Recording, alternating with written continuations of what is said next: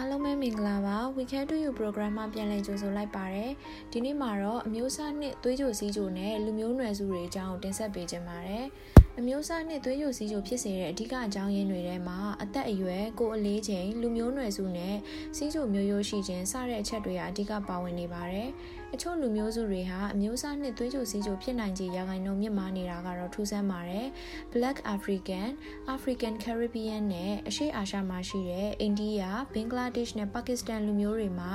အသက်25လောက်ကစပြီးတော့အမျိုးအစားနှစ်သွေးကြိုစီးကြိုဖြစ်နိုင်ခြေများပါတယ်။ South Asian အနွယ်ဝင်တွေဟာခန္ဓာကိုယ်ရဲ့ insulin ရင်ပါခြင်း insulin resistance ကိုလည်းအသက်ငယ်ရွယ်စဉ်မှာပင်ခံစားရနိုင်ခြေရှိတယ်လို့လည်းဆိုပါတယ်။ဒီအရာကစားသောက်နေထိုင်ပုံတွေနဲ့လည်းဆိုင်ပြီးတော့ခန္ဓာကိုယ်ရဲ့အဆီတိုလောင်ပုံနဲ့လည်းဆိုင်ပါတယ်။ဒီလူမျိုးစုတွေဟာကိုရင်းကလေးစာအဆီ visceral fat ကိုအသည်းနဲ့မုံချိုအိတ် pancreas တို့မှာတိုလောင်ကြပြီးတော့အဲဒီကတစဉ်အမျိုးအစားနဲ့သွေးကြိုစီးကြိုဖြစ်ပွားနိုင်ခြေတွေမြင့်တက်လာတာဖြစ်ပါတယ်။